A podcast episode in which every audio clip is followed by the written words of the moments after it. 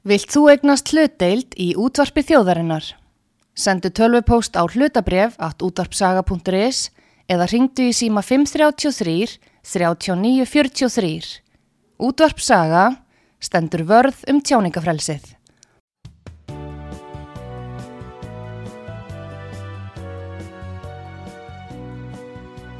Síðdeis útvarpið á útvarpi sögu í umsjón Pétur Skunlökssonar. Góðir eh, hlustendur, þið er að hlusta á útvart sögu, ég heiti Pétur Gunnlaugsson og gestuð minn í þessum þætti er Sigmundur Davíð Gunnlaugsson, hann er formaðið flokksins og fyrirverðandi fósítisráð þeirra. Velkomin til okkar. Takk að þið fyrir. Nú við ætlum að byrja að ræða um efnahansmálin en áður en ég fer út í þau, þá kannski vil ég spyrja þig um þessi, nú það er þessi eldsumbrot þarna á Reykjanesinu og menn hafa verið að ræða um það sumir að þetta byggja upp varnargarða. Já, já. Erst þú með skoðun í þessu máli? Ég sé að það var nú einhver umræði þingin um þetta. Já, ég spurði fórsetisir á þeirra út í þetta og hún svaraði nú ekki miklu, vildi bara býða eftir einhverju áliti frá sérfræðingurum en, en sérfræðingarnir, sumir hverjir að minnstakosti, eru búin að vera mjög afdráttalösir með það að það þurfi að ráðast í aðgerðir strax og hefði átt að vera byrjað. Ármann Höskuldsson, professor í uh, jarðeðlisfræði held ég að sé, er í, uh, í sérstökum hópi almannavarna, innviða hópi og hann segir það sé allt til reyðu það fyrir bara leifi stjórnvalda til að byrja Og er það almanna, hérna, hverjir er það hjá stjórnvöldum? Er það bara ríkistjórnir? Já, hann kallaði bara eftir því að ríkistjórnin gæfi leifi til þess að hægt vera að hefja aðgerðir og, og benti á að hún virtist vera haldin ákvarðana fælni sem að mér heyrðist nú á, á fórsetiseraðferðunum í, í dag að sé kannski rétt hjá honum en uh, það er búið að hanna þarna varnargarða sem að Ármann og fleiri benda á að eh, því ekkert að spá í að, að ráðast í eh, þegar eldgóðs er hafið Nei. Þannig að það þurfi að Tekur ekki tíma að reysa þetta og... Jú, það gerir þennan blá og, og þess vegna telur hann að, að þetta ætti að þegar að vera farið af stað. Og Víðir Reynisson eh, maður al almannavarna deildarinnar hjá Ríkislauglustjóra Já, hann tala alltaf máli ríkistjórnarinn eða í máli. Já, einmitt, maður, maður kannski skildi ætla það, en samt sagðan að það væri komin tími á ákvörðun og, um, og ég myndi nú halda að það sé uh, eiginlega sjálfgefið miða við það sem hefur komið fram um, um uppbyggingu, söfnun kviku þarna og landris uh, skamt frá svartsengi. Að menn ráðist í, í einhverju ráðgerði þetta gæti orðið verulegt tjón Já, þarna. gríðalegt tjón Já. og, og á svo margan hátt fyrir utan þetta hættun á því að þarna er einhverja byggingar og, og tæki og náttúrulega. Já, það, það hefði mikil áhrif á þetta, orku fyrir svæðið bæði, og bæði heitt vatn og kalt vatn Nú, ef við snúum okkur efnahagsmálunum hérna, Sigmundur, nú menn er að spyrja um þetta, að hverju þurfum við að búa við þetta áfram, háa vexti, verðtryggingu og því er svara svo að ef menn vilja losna við þetta þá verður það að gangi í Európusambandi og taka upp evru. Ég meina umræðan er þannig á Íslandi. Já, já, hvernig, það er alveg förðulegt já, sko, Evróp við verðum að ræða þessi mál. Já, já. Ég meina, við þurfum líklega að gera það áfram þrátt fyrir allt sem hefur komið í ljós á undanförnum áratug og, og reyndar rúmlega það þá eru sumir sem hanga á því að lausnin á öllu þessu sé að, að taka upp evru að gangi í Európusambandi. og gangi í Európa-sambandi, já, já Fáum enga evru nema við gangum í evru. Nei, nei, nei, það er alveg rétt. Og ekkert í, í þessari röksemdafæslu þeirra, ef, ef röksemdafæslu skildi kalla, gengur upp. Og raunveruleikin er bara búin að sína það. Sjáum bara munin af því hvernig Ísland og til dæmis Grekland eða Portugal, jafnvel Ítalja eða Írland á sínum tíma uh, og það mætti nefna fleiri lönd, fóru út úr uh, fjármálakrísunu á sínum tíma. Sjálfstæði okkar og sjálfstæður gældmiðl gerði okkur kleift að komast út úr því ástandi betur en, en nokkur annað ríki. Þrátt fyrir það að, að áfallið hefði kannski verið hlutvarslega mest hér. En norðmenn voru ekki með og ekki og ekki pólverir heldur. Þeir fóru vel út úr kreppunni. Þeir voru ekki með efru. Nei, nei, og, og ef þú skoðar lista yfir lönd eftir uh, velmegun, Já. þá eru það löndin sem ræða sér þar efsta, það eru lönd sem eru ekki með efru. Það er Norrögur, það er Sviss, það er Ísland. Það er vísu Luxemburg og Írland. Það er re- reyndar rétt í þaður, já, en Írar, uh, Luxemburg nýtur þess að vera þarna uh, miðsvæðis í, For, forréttinda ríki. svona. já, já, það, það er það. Og, og En Írland er líka svolítið sér á báti sko. Já, þeir reyndar hafa náð alveg ótrúlegum árangri Já. en, en gert það Með samfunnu bandaríkin og þeir já, já, og, og, eruðu svona fjárfestinga miðstöð fyrir einmitt bandarísk fyrirtæki og, og fleira og, og þetta er, er, er þyrnir í augum uh, Evrópusambandsins að Írar hafi mm, með lægri sköttum náð að laða að sér allar þessar fjárfestingur En fyrst við erum að ræðum um lága skatta núna út á Írlandi hefur, hefur það ekki komið til greina hjá íslensku stjórnmálamönnum að reynilega komið rótækar aðgerði til skattalækkana? Til dæmis, ég minn skilst að tekið skatturinn, tekjurnar er yfir 200 miljardar á ári þetta er svona hansi stór hluti af, af, af tekjur ríkisins, en hefur ekki komið til greina að menn farið reynilega að hugsa þessi mál upp á nýtt, að, til dæmis að berjast fyrir afnámi tekjuskatts? Og hér er þið eins og á Írlandi það er ekki vaf á því að þessi stefna þeirra í skattamálum hefur breytt Írlandi úr einu fátakasta ríki á, í Evrópu á, á 20. stöld í, í ríkasta ríki Já, já, þetta sem er ótrúlegt. Þetta, þetta er í raun og verið meira kraftaverk heldur en kynverska kraftaverk. Já, þetta er svona á svipuðu plani. Ég, ég hef fylgst lengi með þessu og eins og segir, þetta er svo ótrúleg breyting uh, til aukinar velmögunar hjá ríki sem var fátakasta ríki í Vestur-Európu og það er, rétt sem þú segir að það gerist með skattalækkunum. Já, uh, að þegar að menn er að, að velta fyrir sér hvernig sé hægt að auka velmögun uh, þá heyrum við nú eðulega frá já, meira og minna öllum flokkum öðrum en miðflokkum núna á Íslandi að, að það þurfi háa skatta til að tryggja uh, betri kjör en, En, en það er svo mikið blekkinging sem vegna þess að hugsunum á bakvið þetta hjá skattahækkunum er að, að hér sé lítill hópur ríkra einstaklinga sem munum þá bera þessa skattahækkun. En þetta endar lendir á millistjettinu og fólk sem er kannski með lítil og meðalstof fyrirtæki hafa kannski reikið fyrirtæki með tapi árun saman en er loksins farin að taka og skila inn og þá koma háir skattar. Akkurat. Þetta náttúrulega kemur þetta er í raun og beinis gegn fólki sem er að leggja á sig mikla mentun, mikla vinni að koma fyrirtækjum, millistjettin í landinu Já. sem á ekkert endilega fyrir en er að rífa upp þetta fer verst með hana Já, hvað segir um algjörlega. þá kenningu Og- og- en, en, en akkur heyrum við þetta ekki meira frá Já. hagfræðingum og öðrum það er vegna þess að uh, hluta til vegna þess að fræði greinarnar margar er orðna svo pólitískar og þá meina ég það er eldi svona tíðarandan sem er mjög vinstri sennaður og, og þær hafa mist tengslin við raunveruleikan að miklu leiti uh, jafnvel þegar raunveruleikin blasir við og þá svo sem ekki bara við um hagfræðina þá við á mjög mörgum sviðum að fólk í auknum mæli uh,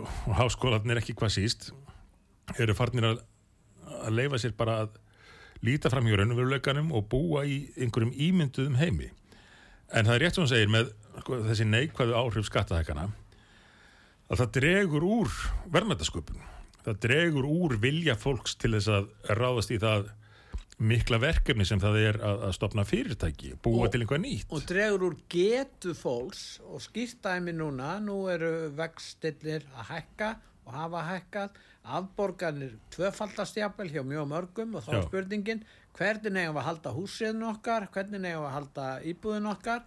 Leggja okkur meiri vinnu kannski geta menn útvega sér meiri vinnu það þýðir að þá kemur tekur skatturinn og tekur það. Já, sko, þannig að, að sko, möguleikarnir til þess að vinna sig upp úr þessum vanda sem að ríki skapaði með, með þessum, þessu, þessari verðbólgu sem þeir eiga stóra þátt í að skapa Já. að menni get ekki einu sinni unnið sig út úr því því allt einu koma, koma, koma, koma háir tekjuskatt hár tekjuskatt sem kemur í veg fyrir að, að menn njóti ára, hérna, ávaksta sinnar vinnu til þess að bjarga bara heimilinu sín Algjörlega. Því að áður var kerfið þannig, þó að það auðvitað aldrei verið fullkomið. En það var þó til þess fallið að gera fólki kleift að bjarga sér með því að vinna meira. Nú er þetta eiginlega refsað fyrir að, að vinna meira á búa er til fættur verðmæti. Noregs Já, já, og, og, og með þessi sjálfstæðiflokkurinn er orðin mjög virkur þáttakandi því að hækka skatta nema oft á tíðum með því að gefa skattahækkununum önnur nöfn, græn, gjöld og, og allt mögulegt. Og, og, þetta er þetta samhliða sífælt flóknara kerfi, allt neikvæðir kvatar, kvatar sem vinna gegn uh, verðmættasköpun í, landinu. Uh, á, á landstingi okkar núna með flokksins nýfrið þá laði ég til að uh, virðisöka skattur á matvælum er því feldu niður til dæmis í tvö ár. Veistu hvað það myndi kosta? Já, þá komum við aftur að, að þessum með að skatta lækkanir þau eru ekkit endilega að feli sér kostnaði eins og var, ég er að tala, tala bara um þetta varðandi virðisöka að það gæti uh, kostað já, jafnvel 40 miljardar sem er nú svona hvað, innan skekkjumarka í eðslu brjálaði ríkisins en á móti kæmið þetta heilmikið annað þannig að Já. þetta er ekki 40 miljardar uh, fólk hefði uh, peninga til ráðstofunar og, og í auknum mæli og, og ríki tekur alltaf sitt. En væri ekki miklu auðveldar að lækka bara tekjuskattinu 40 miljardar Jó, en, en, vegna þess að það myndi sumi segja og ég var nú að lesa upp eftir, einhverja prófessor og aðra þeir sögðu að, að þeir myndu bara ekkert lækka verði hjá sér. Verslunin við þetta ég meina, hvað segir þið ja, ja, sko, áður en ég kem að því já, sem er þetta uh, gild spurning. Uh, ef að ef að ráðist er í, í lækkun tekju skatt, jú það er hvetjandi og, og allt það sem að þú raktir Já. hérna á hann en kosturinn við uh, lækkun eða afnám skatts á matvæli þó ekki verðnum að tímabundið já, er að það bæti stöðu allra líka tekjulágsfólks og hlutfæðslega bætir að stöðu tekjulæra fólks já, meira. Já, eldri borgara og annara já, því allir þurfa að borða Jú, jú. Og, og efnara fólk borðar ekki margvælt meira en, allir hinnir svona alla jafnan. En, en þetta var uh, gaggrínt og meðal hans af fjármálaráþurunum nýja sem að eiginlega tók undir með uh, Þórólfi Mattiasinni sem ríkisútarpið kallar alltaf til til að útskýra fyrir landsmönnum hvernig hvernig reyja haga sér samþykja æsef og, og uh, allt þetta. Já, já, já, við munum Eh, eftir því. já, já. en allavega þarna voru þau orðin sammála Þórólfi Mattiasson og, og samhergin Þórdís Kolbrún. Er það ekki framtíðin að þeir séu sammála það er, er þróunin allavega. En sko, það sem að vakti aðtekli mína við raukstuðningin var annars vegar þetta sem þú nefndir sem ég kem að núna rétt strax en hins vegar þetta viðhorf sem hefur verið ríkjandi hjá meðalna sjálfstæðisfloknum fjármál, með fjármálaráðandið og, og byrtist á alveg förðu skýran hátt í fjárlugum að er, þeir eiginlega nálgast hlutina þannig að ríkið eigi alla peningana sem að eru í umferð. Og, og ríkið sé að færa fólki í gjafir ef það er ekki að skatleggja það eins mikið og, og það gæti hugsa sér uh, svona það er, það er sko, sko, skatta það er peningagjöf ef að ríkið ákveður að að hækka ekki skatta eins og, eins og hægt hefði verið Já, það talaði um hvað kostar það að lækka skattana til Já, já. þessi hugsun. Einmitt, Já, einmitt. En svo er hitt með hvort að uh, þetta myndi ekki bara uh, hækka velaðið. Þá segi ég nú, uh, þá í fyrsta lagi geti samkemmis eftirlitið haft einhvað hlutverk. Annað en það að, að skrifa stóra skýslur um majónes. En í öðru lagi þá þurfa neytendur, almenningur, að taka þátt í því að fylgjast með hvernig verðlagi þróast og skipta ekki við þá sem að misnota þessar þessar uh, lækkanir. Já, því að já, borgararnir hafa nú á hvernig hlutverk að gegna í, í samfélaginu og ég ímynda mér að verslanirnar ef þær vita af því að það verði fylst með því hvernig velaði þróast uh, þá munið þær uh, ekki vilja lenda í í því að vera útskúðar uh, hafandi hafandi misnota þessa aðstöðan en þetta kallar að vitað á að fólk fylgist með. Og ef að við teljum að, að lakkanir skatta á matvæli skipti engum máli þá getum við, móti, þá getum við líka sagt ja, þá, þá skiptir engum máli að hækka skattana. Nei, nei. Þetta á endanum hlýtur að, að skila sér en, en þó mikilvægt að almenningur sé meðvitaður og þá bara einfallega vesla ekki við það, uh, þau fyrirtæki, þær veslanir sem að hækka vörunar við þessar aðstæður. En e, eins og þú lýsir þessu, er ekki bara staðrindin svo ef við lítum á stjórnmálinn í dag að þá er stjórn, sjálfstæðislokkurinn e, það talaði gætna um hægur og vinstri menn er nú hættir að tala um hægur og vinstri þetta vilist nú ekki döga að nota Nei, nei, það þau, það er þau breytt. kennileiti sérstaklega Nei, en uh, er ekki raun og verið sjálfstæðisflokkun orðin bara vinstri sinna flokkur. Og fyrst að hagfræðingar svona vinstri vagnum eru mjög sammála ráþurum stjórnarinnar og, og síðan sjáum við það að þeir sjá engar aðtúarsemdi við skattahækkanir. Þetta er á ekki bara við um sjálfstæðisflokkin þetta og við ímins að svo kallar borgarlega flokka á vesturlandum, breski íhalsflokkurinn er skýrasta dæmið um þetta. En þannig að, að við, við erum í raun og veru í pólitíska ástandi þar sem að henni svo kallu borgarlegu flokkar hafa segjast færast á miðjuna, eru nortin hálf sósialískir og hinn eru fastir í einhverju baráttu gegn eh, hérna, lofslagsbreytingum og opna landamæri. Þannig við, við höfum þessa stöðu í stjórnmálunum og við höfum ekki lengur neina sem flokkar sem getur kallast hægri sinnaður, þar sé að flokkar sem eru að verja hagsmuni einstaklingsins gagvart inn og. Nei, nei, þetta er alveg, alveg rétt. Ég eh, hef nú í nokkur ár bent á að sjálfstæðisflokkurinn og væri orðin eins og samfylkingin var kringum 2007. Uh, en svo núna hefur samfylkingin uh, aðeins uh, breyst eftir að Kristrún Fróstadóttir tók við. Að því marki að maður sér eiginlega eh, engan raunverulegan mun á, á sjálfstæðisflokki og samfylkingu. Meiri segja því marki að eins og ég hef einhvern tíma nefnt hérna áður í viðtali að á landsfundum þessara flokka þeim, þeim síðustu þá sem fóru fram uh, með nokkura daga millibili. Þá samþýtti sjálfstæðisflokkurinn uh, útlendingastefnu eða hælisleitindastefnu Já, sem var opnari en, en uh, það sem samfélkingin Já. Og svolítið líkari vinstri grænum. Já, akkurat. Uh, og ég rækki saguna hvernig, hvernig nokkri menn reyndu að hafa einhver áhrif á á þá niðurstöðu en, uh, en það var bara tekið fyrir aftur í salnum og, og fólki sagt, útskipt fyrir því að það yrði bara að samþykja stefnuna eins og hún lág fyrir úr valhöll af því að hitt liti svo illa út fyrir flokkin og, og það er nú mitt málið að þessi stjórnmálaflokkar flestir eru farnir að elda tíðanandan eða jafnvel bara elda þá sem að eru hávaristir hverju sinni, fólkið á Twitter og, og svona.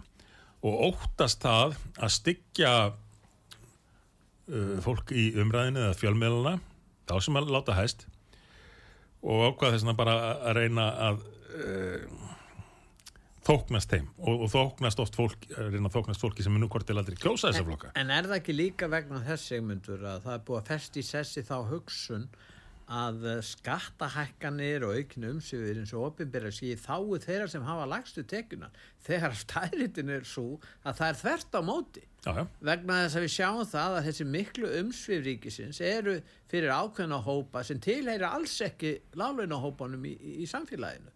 Og skýrasta dæmið er þetta það er svo ákveðin sem var tekin í COVID um 420 miljardar prentun á seglum eða lántökur Já. sem við erum að borga í dag þessari verðbólk og hver er látið borga þetta? Það eru þetta millistjettin í landinu og þeir sem hafa lágar tekjur sem að sitja uppi með þetta eins og venjulega. Og þetta er nákvæmlega sama að gerast hér á Vesturlöndum og sérstaklega hér á Íslandi núna. Já, og þá er spurningin mun einhver flokkur, mun miðflokkurinn eh, taka þá stefnu að berjast gegn þessu og reyna þá að samfæra almenning í landinu að eh, best, besta leiðin til að bæta kjör þeirra sem vest eru settir er ekki að hækka skatta og auka umsvið hins og Já, er það ekki erfitt? Þa, það er það sem við höfum verið að, að reyna að gera og við munum leggja til breytingartilur við, við fjárlögin núna bæði, sem fælega bæði, bæði sér já, skatta lækkanir og uh, aukið aðhaldið að sparnað. Því að bákniði náttúrulega uh, búið að stækka ár frá ári og stækka alveg gríðarlega. Uh, og maður nú þegar uh, það var ráðist í þessa penningabrendun þessi útgjöld út af COVID að þá, þá kom á ríkis 420 miljardar já, já, þetta er bara einn stæm í efnahagssögu Íslands. Já, já, já þau hefur náttúrulega aldrei getað þetta nema því að við vorum búin að sínum tíma að koma hlutunum í svo gott torf en, en en það talar ekki um þessi 420 nei, nei, menna menn bankastjóra tala um að menn ekki að fara til Teneríf og, og alls konar dellu og þvælu umræða á sér stað bara já, en það, það er kannski þess að það er erfitt fyrir fólk að gera sér grein fyrir stóru myndinni, heildarmyndinni þegar svona mikli penningar eru undir. Eh, menn geta tengt við læri uppæðir miljón krónur eða það er bara verið að 1,3 fólk er haldið í vanþekkingu um Já, já. hvað veldur verðbólgu því er haldið Já. fram að hækkanir hjá laun, láleina fólki valdi verðbólgar, alls konar villis í gangi Já. Ég veit það. Það er alls konar vills í gangi og einhver svona raun heima róf, ef svo má segja. já, það er Uh, en uh, sko, á þessum tíma, þegar þau ríðust í þessa, þessa peningaprentun, þá, þá má fjármálar á þeirra eiga það og þau önnur líka. Þau sögðu, sko, við vitum þetta eru, mikil útgjöld. En um leiðu við erum komin í gegnum þessar lokanir út af COVID þá munum við strax fara í það að spara og greiða niður skuldirnar. Hvað kom á daginn? Það var ekkert gert í því. Auka útgjöldin, þessi gríðarlega auka útgjöld út af COVID, mynduðu bara nýtt gólf í ríkisútgjöldum sem þið heldu áfram að byggja ofan á. Fjármálastjórn, efnahagstjórn þessari ríkistjórnar er fyrir neðan allar hellur. En hún treystir á að afleiðingarnar kom ekki í ljós fyrir enn einhver tíma á næsta eða þar næsta kjörtímabili. þær eru komnar í ljós í sambandi við fasteignir Heldur til betur. dæmis Heldur betur. til dæmis uh, komið í, í, í ljós þar og þetta með verðbólgunni en þá segir fjármálur á þannig bara að, að ríkisútgjöld hafi ekkert árið á verðbólguna sem var mjög nýstáleg já, það er ótrúlegt já, á. að halda því fram ég veit ekki hvort að hún tekst að sanna þetta þá hljóta nú að eiga inn í Nóbersvelun í, hagfræði þessa frumlegu og, og, og nýstálegu kenningu. En uh, það er það er allavega ljóst að útgjöldin eru stjórnlaus en það versta við það er að við höfum ekki hugmyndum hvað við höfum fengið fyrir það samfélagið, ef einhvað og mér nú oft hugsa til þess þegar við vorum að reyna að ná tökum á ríkis uh, fjármálunum þannig að 2013 til 16 uh, reyna að- spara alls þar þannig til við værum búin að klára þær aðgerið sem að við svo ríðumst í. Hvað hefði maður geta gert uh, fyrir alla, alla þessa uh, öll þessi ríkisútgjöld sem að þessi stjórn hefur ráðast í, til dæmis í helbriðskerfinu já þar hafðu þau sko að vísu hafa er aukið útgjöldin upp í rúmlega 400 miljardar, það er ekki á 1500 miljardar 410 já, já, já en hva, hvað þið fyrir? Byðlistarnir eru bara lengri en þau voru? Já, uh, ástandið eins og ef maður fyrir að leita á, á, brá, á bráðamáttökuna eða, eða hitta sérfræðing eða alltaf á milli mm. það er bara eh, annars vegar endalösi byðlistar eða byðlistar eftir því að koma, komast á byðlista eða uh, allt upp í loft eins og, eins og á, á bráðamáttökunni að því ég hef nú farið þarna með, fór þarna með ættingja nokkur sinnum nýverið og, og þetta var eins og að koma á, á, á stríðsvæði í, í, í tjald á stríðsvæði. Allt einhvern veginn upp í loft. Þó að starfsfólkið auðvitað hafi uh, reynt að gera sitt allra besta við þessar aðstæður. en sko málið er það að, að það er aldrei fer aldrei fram einhvers konar áætlunagerð um hvernig ná að skera niður ríkisútgjöld. Við skulum bara taka lofslagsmálin málefni útlýtinga alls konar málefni að tengja styrjöldum út í heimi sem að er raun og verið spurning hvort að við ættum að koma að. Þannig eru útgjöld upp á 10 og 10 miljardar Já. og, og, og þarna er spurningin eh, sko hversuna getum við ekki nota þessa fjármunni til að lækka tekjuskattin sem að myndi aftur auka hérna, tekjuríkisins að virðisauka þannig að, að, að líki færa blómstra í raun og veru? Ja, alveg rétt, ég er fullkomna samanlegaðir þannig að, að, að, að í stað fyrir að fara þessi leið þá leggur enginn út í það. Nei, nei, og síðan kemur við einhvern flokk sem kallar sér sjálfstæðisflokk og, og er að, að rausa um það að þeir allir nú að skera ekki niður og það er náttúrulega ekkert annað en ömulegu brandari og útgjöldin eru upp á 1500 miljardar núna. Það er ekkert land síðan þau voru innan við 1000 miljardar nei og, og, og sko, það þóttu, það er bara nokkur ár. Já, og það þóttu, þóttu ískikileg tímamót þegar farið var yfir þúsund miljardana Algjör. og þá var markmiðið að komast tilbaka sko, þetta áttu var bara að vera tímambundið hvar höfum við sjálfstæða hagfræðing og aðra sem er að gaggrína þetta Já, það eru bara allt og margir sem að uh, taka þátt í því að halda uppi þessari uh, falsmynd, þessum pótemkin eða þá fjölmiðlamenn. Að- að gaggrína það því tala nú ekki um það, það Þeir hafa nú ma- margir hverjir uh, lítið áhuga á að tala fyrir skattalækunum. Au- Auðvitað eru undantekningar. Já, þú talar með þið vinna hjá RÚV, Viðskiptablaðinu eða morgunblaðinu eru, eru nokkur sem að tala af skynsum um þetta en, en svo almennt þá erum við samfélagið og ekki bara á Íslandi við erum orðin föst í þessum gerfi heimi það sem að það skiptir í rauninni engu máli hvaða uh, staðrindir koma í ljós menn bara uh, lifa í einhverju hliðar veröld og þetta er ekki bara eins og ég nefndi, þetta er ekki bara í, í hagfræðinni stjórnmálumenn get ekki lengur svara því hvað er kona. Uh, og uh, og halda því margir fram að það séu til 72 kyn eða 100 kyn eða, eða endalust mörg. Þannig að þe- þetta er eitt helsta áðugefni mitt nú um stundir. Þetta, þetta raunveruleika rof það sem að menn tala engungu út frá því sem að ætlast er til að sagt sé fremur en raunveruleikana sem blasir En þú meinar í raun og verið að menn get ekki séð greinamunin og skilgjans greinamun á karl og konu þá er útiloka fyrir þá að vera með skynsanlega fjálug. já, já, það, það er það sem ég við. Það- Eh, eh, þegar að ekki einu sinni líffræði Já, gildi lengur Hvað, hvað, hvað, Hver, hvernig á þá hagfræðin að, að virka sem er nú mjög, mjög svona óljósari eh, fræðigrein og, og, og, og á reyðanleiri þannig að þetta er allstað þetta er á öllum sviðum En hver er þín skýring? Hversu hann fór þetta svona? Hvernig stendur að því? Er ekki alltaf verið að tala um að það séu fleiri og fleiri sem fari í langskólanám? Er ekki verið að tala um að séu lagðir eh, að séu fjárfyrst í mentun og annað og síðan samt höfum við þetta ástand sem þú ert að lýsa varðandi afstöðuna til sannleikans og staðreinda bara einum alveg yfirleitt. já, það er einhvað sem gerðist sem að uh, leiti svo til keðjuverkunar og þessa brottkvarfs frá raunveruleikanum.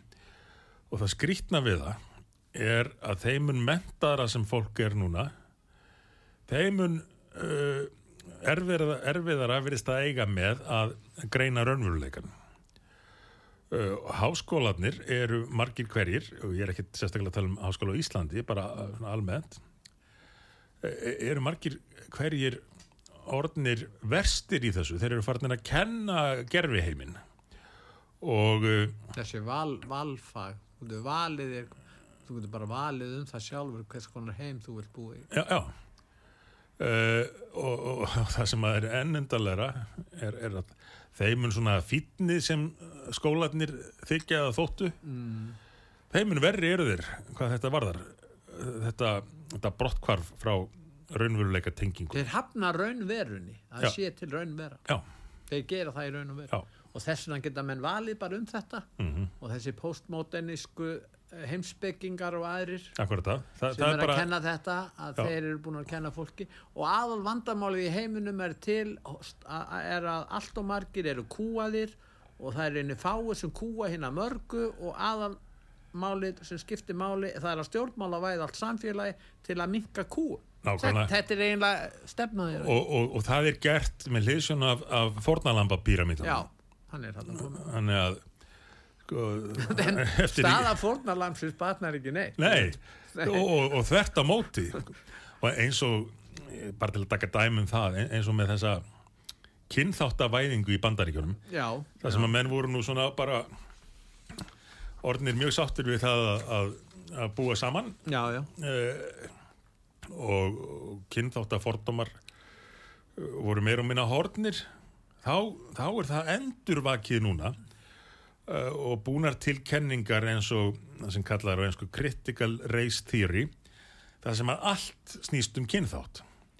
Og, og jafnvel farið að kenna sko, svörtum sér og, og, eða hafa sér fundi fyrir svarta og sér fundi fyrir hvíta og vara uh, sem þýðir aðgreiningastefna Já, sem þýðir það aðgreiningarstefna. sumir svartir búa á sömu stöðum og aðgreiningin færist í vaks en, en það, þetta er afleiðing af því að þessir, þessir postmodernistar, eins og þú kallar þá réttilega, hafa bara tekið völdin og þeir beita ógnarstjórn.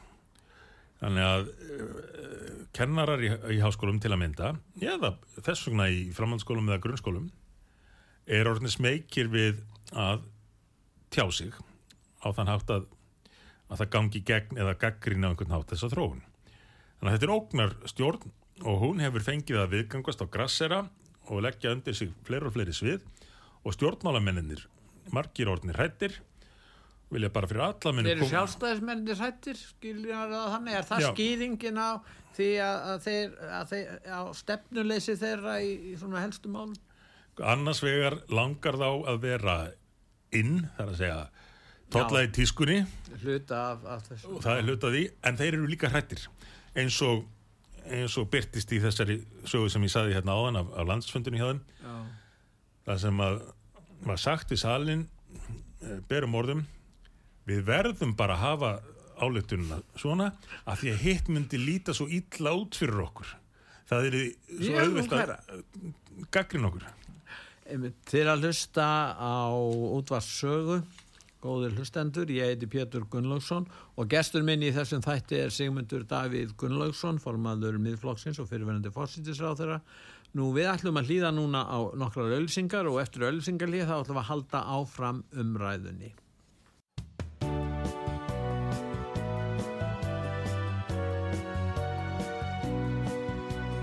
Síðdeðis útvarpið á útvarpi sögu í umsjón Pétur Gunnlaugssonar.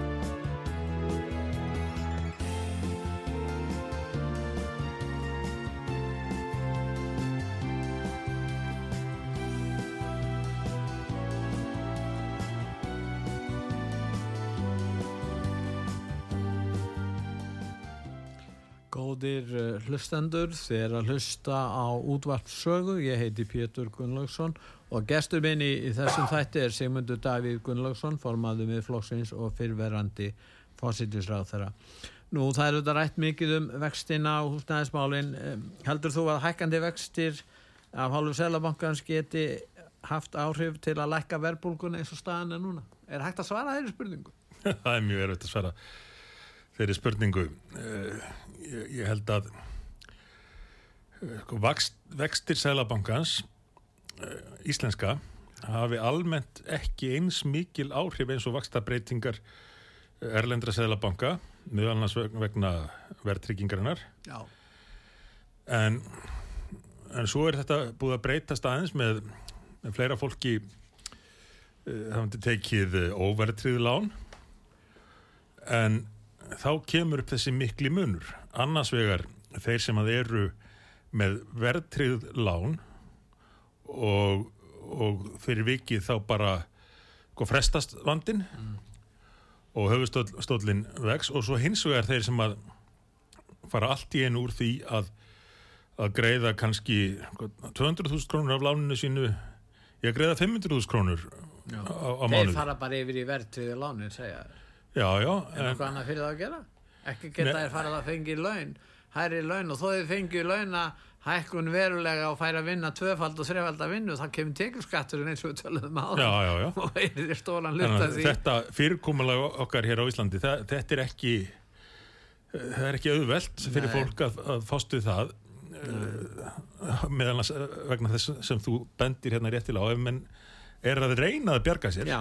komast í gegnum þessa Það er einmitt kjarni málsins. Getum við haft stjórnmálaflokka sem stiður þá hugsun að fólk frá fáum tækifæri á að bjarga sér.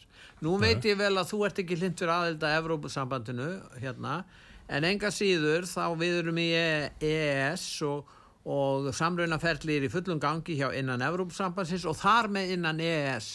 Og mér langar að spyrja það, er EES samningurinn samningurinn um Evrópska efnarsvæði farin að valda okkur meira tjóni en gagni núna? Þetta er mjög stór spurning og áður en ég kem að henni sem ég mun þó gera Já. bara bæta við þetta sem þú bentir á hérna eh, sko, hvatarnir eru svo öfugir hér í, í samfélaginu en, eins og til dæmis varðandi eldri borgara þá eru skilabóðin frá ríkinu bara þau ekki, ekki vinna meira Já. hættu að vinna, hættu að framleiða verðmæti Já. a- annars munum við refsa þér Já, það er það sem ég gera. og þe- þetta er allt svona þetta er allt svo En af hverju gera þér þetta? Ég meina, sá sem- eldri borgarar sem hefur hærri tekjur, borgar skatta, Já. ég meina að það kemur sér vel fyrir ríkissjóð. Hvers vegna er þeirra mótis? Ég, ég skal segja þér akkur þeir gera þetta að minnsta kosti hvaða raukstuðning þeir Nei, ég, ég reyna að stiðast við þeir líta ekki á heildarmyndina. Þeir líta hvorki á heildarmynd nýja langtíma áhrif Nei. þannig að þeir líta á uh, allt sem að fólk fær að halda eftir þetta tengist því sem við rættum á hann að allt sem fólk fær að halda eftir það sé reynt tap fyrir ríkið. Það sé gjöf til fólksins. Jafnvel, sko, þó að sé bara að, að taka út peninga sem að það sjálft var búið að vinna fyrir búið að greiða skatta Þeir og líta á samfélagi sem fangabúðir, fangarnir þurfi ekki meiri mat en þetta. Já, og þá náttúrulega sko, ef að fangarnir hafa engan kvata til að vinna sér inn fyrir Nei. aðeins meiri mat eða hvað sem það er já, þá, þá náttúrulega gera þeir það ekki en, en varðandi eh, tjónið, tjónið. Hvort þetta sé að valda meira Já. tjóni en gera gagn, þannig að segja eða samningurinn. Nú eru margi sjálfstæðismenn hlindir eða samningnum. Eitt sá sem er í hindastöðum held ég heiti Björn Bjarnason Já, já. Ég, og, og ég held að það var ekki á milli mála en menn lesa greinarnar sko, sjálfstæðismennir eru eh, farnir beinlýnis að trúa á uh, samningin svona eins og, eins og trúarbröð og, og, veigra sér mjög við allri gaggrinni á samningin eða jafnvel bara það að standa á rétt Íslands. Þetta kom glögglega í ljós í umræðum þriði orkupakkan Já, sem fól í sér eftirgjöf á fullveldi landsins en svo er sjálfstæðismenn að voru alltaf þessi og ef að ef að við fylgjum þess ekki þá getum við verið að, að setja eh, samningin í uppnám jafnvel bara veist, það, það að nýta uh, það, þann rétt sem er skrifaður inn í samningin var talið of hættulegt af því þá varum við einhvern veginn að, að storka Európusambandinu. Þetta er nákvæmlega sömu rök og voru notið fyrir því að samþykja æsif á sínu tíma. Ef við gerum það ekki, þá- verðum við menn orðuðu þetta á mis hátt, en- þingmanna sjálfstæðismanna greiti atkvæði með æsir 2 Já, þeir gerðu það og með þessum rökum 11 af 16 já, að, að það væri svo hættulegt fyrir það okkur að taka. Þannig að þeir eru orðnir til að gera langa sögustutta mm. uh, of litlir í sér. Og til að svara nú spurninguðin um, um hvort EES-samningurinn sé farin að valda meiri tjóni en, en ávinningi og þarf að skoða tvent. Annars vegar möguleikana á, því að standa utan hans og hvað það geti veitt okkur að auka á sjálfstæðið og gera okkur betur kleift að eh, taka ákvarðanir sem að henda okkur en ekki innleiða ákvarðanir sem henda Þískalandi og hins vegar uh, hvað við erum að hverju við erum að fórna með, með núverandi fyrirkomulegi þá myndi ég segja ef að við ætlum að nálgast EES samningin á þann hátt að þú er ekki að standa á réttu okkar þú er ekki einu sinni að nýta þau ákvaði sem þar eru um að við getum uh, fengið, fengið undan þáur á, á grundvelli okkar aðstæðna þá er hann til tjóns ef þetta heldur svona áfram. Ef, ef að svo stefna heldur áfram að við bara lifum í óta við e samningin að því marki að að ráð fyrir að sjálfstæðisflokksins haldi áfram að gefa eftir fullveldi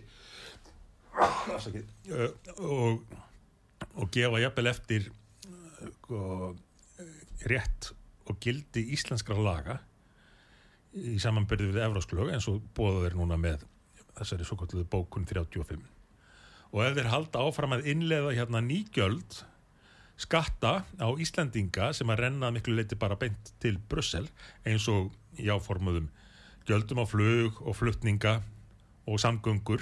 Meiri samrunni Já, og, og meiri saman, þetta, þetta gengur allt út á það hjá Evropasambandinu núna að auka samrunan. Og ef við ætlum bara að elda það á grundvelli óta við Evropasambandið og ES-samningin þá, þá, þá er hann til tjóns en ef við getum hins vegar uh, öðlast smá kjark ef að stjórnvöld geta öðlast smá kjark til að nýta samningin það sem það á við en, en spyrna við fótum þegar að það á við þá, þá getur hann nýst okkur áfram uh, en, en, en sjáðu til dæmis bara umræðuna núna um, um uh, skattan á, á flutninga skipa.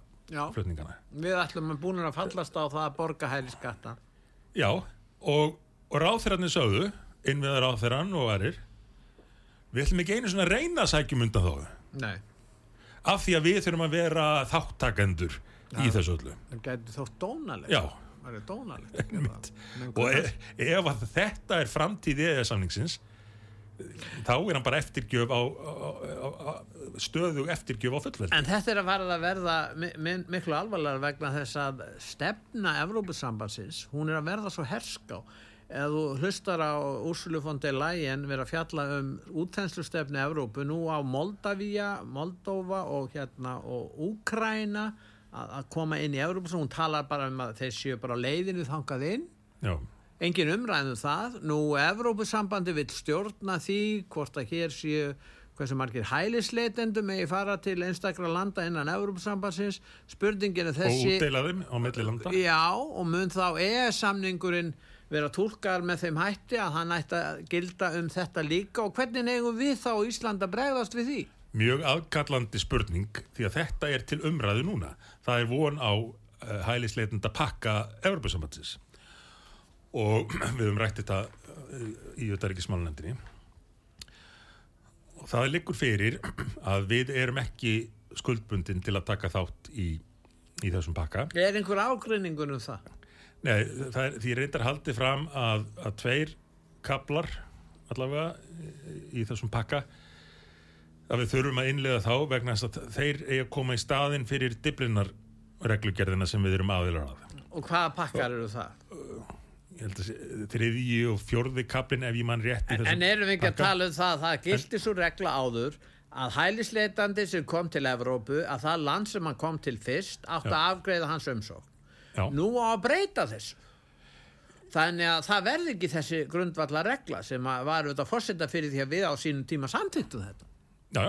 Og, og, og þess vegna, þess vegna segi ég, sko, jafnvel þó að því sé haldið fram að við þurfum að innlega þessa kapla hafandi verið þáttakendur í diblinarreglugerðinni sem að var mjög bara eðlileg rástofun að að- að- að þá ef þetta felur í sér algjöra breytingu á þeirri reglu þá getur, þá er ekki hægt að halda því fram að við séum skuldbundin þar því að þá væri, væri verið að segja ef þú, ef þú gerist aðilega að einhverjum alþjóðasamningi og svo ákveða einhverjir aðrir að breyta þeim samningi þá séstu áfram skuldbundin.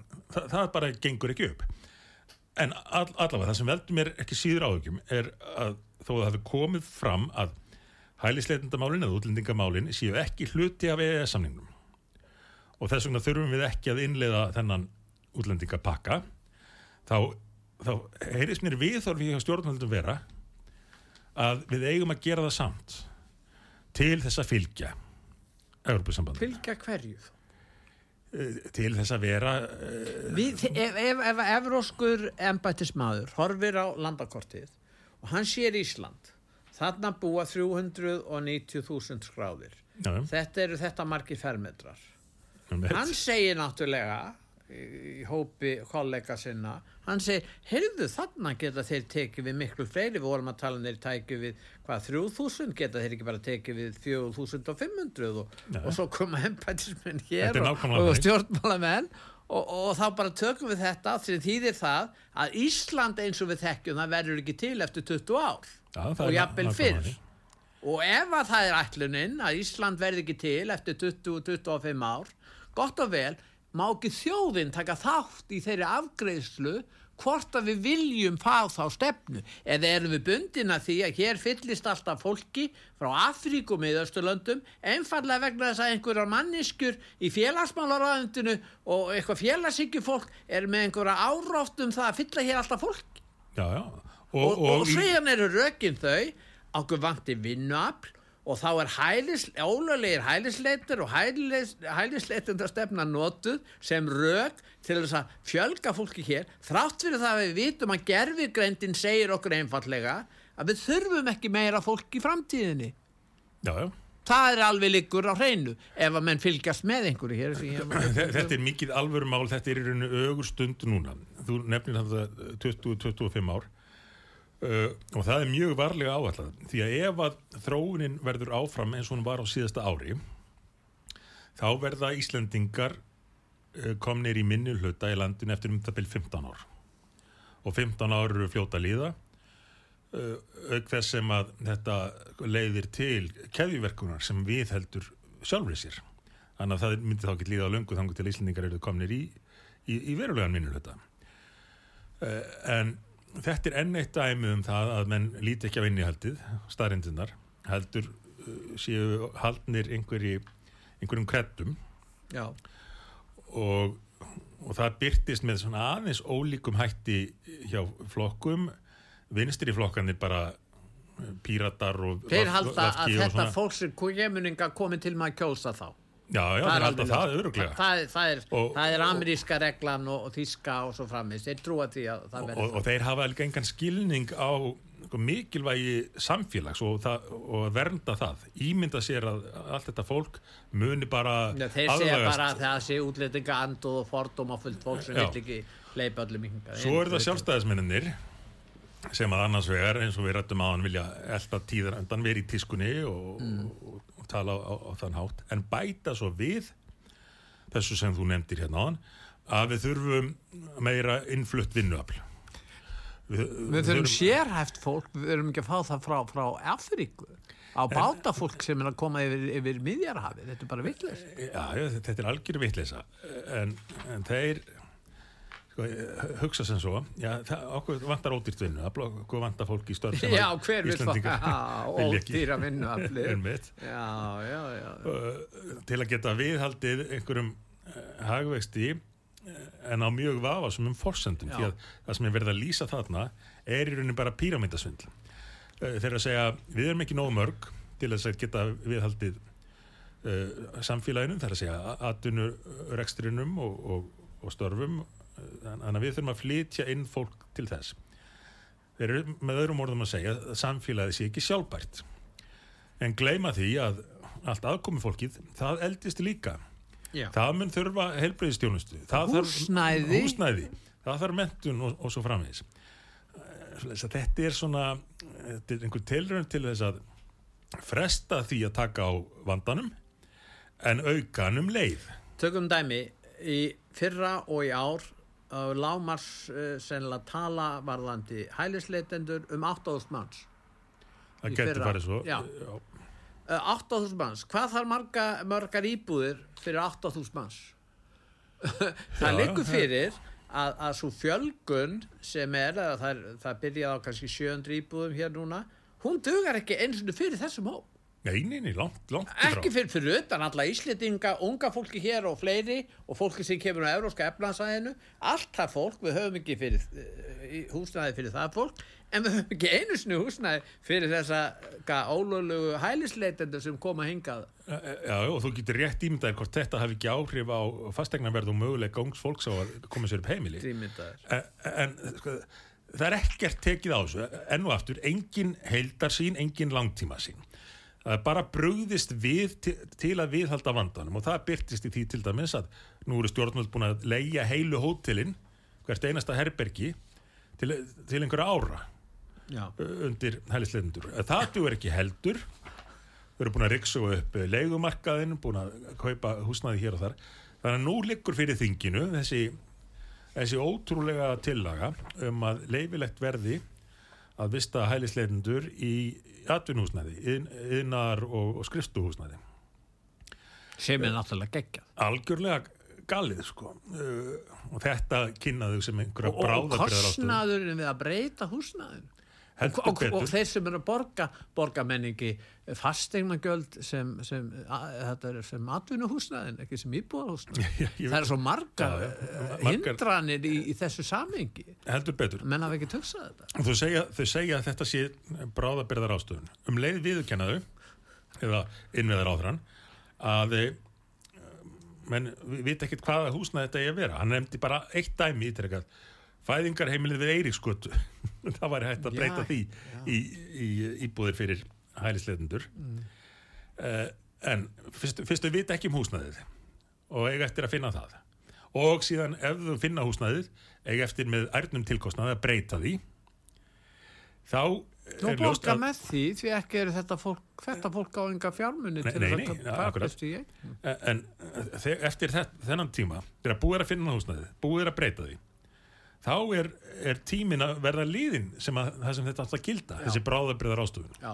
þannig að menn geta séð það í hendi sér að auðvitað er það bara blekking að þetta ég verið til bráðabriðar Við erum að falla tíma en e, mér skilst að það sé stjórn, almennu stjórnmálafundur hjá miðflokknum í kvöld í Garðabæ í skátaheimilun, er það rétt? Við bæjarböld. klukkan átta í kvöld Klukkan átt í kvöld og hvað ætlar að ræða þar? allt mögulegt Það er loka orðin þín, hvað ætlar að ræða á þessum fundi? Ég, ég ætla að ræða allt mögulegt, ég ætla að ræða margt af því sem við hefum rætt hérna í dag, efnahagsmálin, uh, hælisleitundamálin, uh, stöðuna í pólitíkinni bara almennt. Allir velkomnir? Og það er allir velkomnir, Mm. hvort sem þeir eru í flokknum, eh, hvort sem þeir eru í Garðabæ eða annar staðar. Bæ, Þarna verður allur þingflokkurinn saman komin. 20. Já. Bæjabröð 20, Já. skátaheimilið í Garðabæ. Og þingflokkurinn verður allur mættur og setur fyrir svörum. Uh, og ég á vona á áhugaverðum umræðum. Hvet fólk til þess að kíkja á okkur tekka á okkur. Takk að þið fyrir að koma til okkar Sigmundur. Takk fyrir mig. Og ég þakka hlustendum út var sögu, verið þið sæl.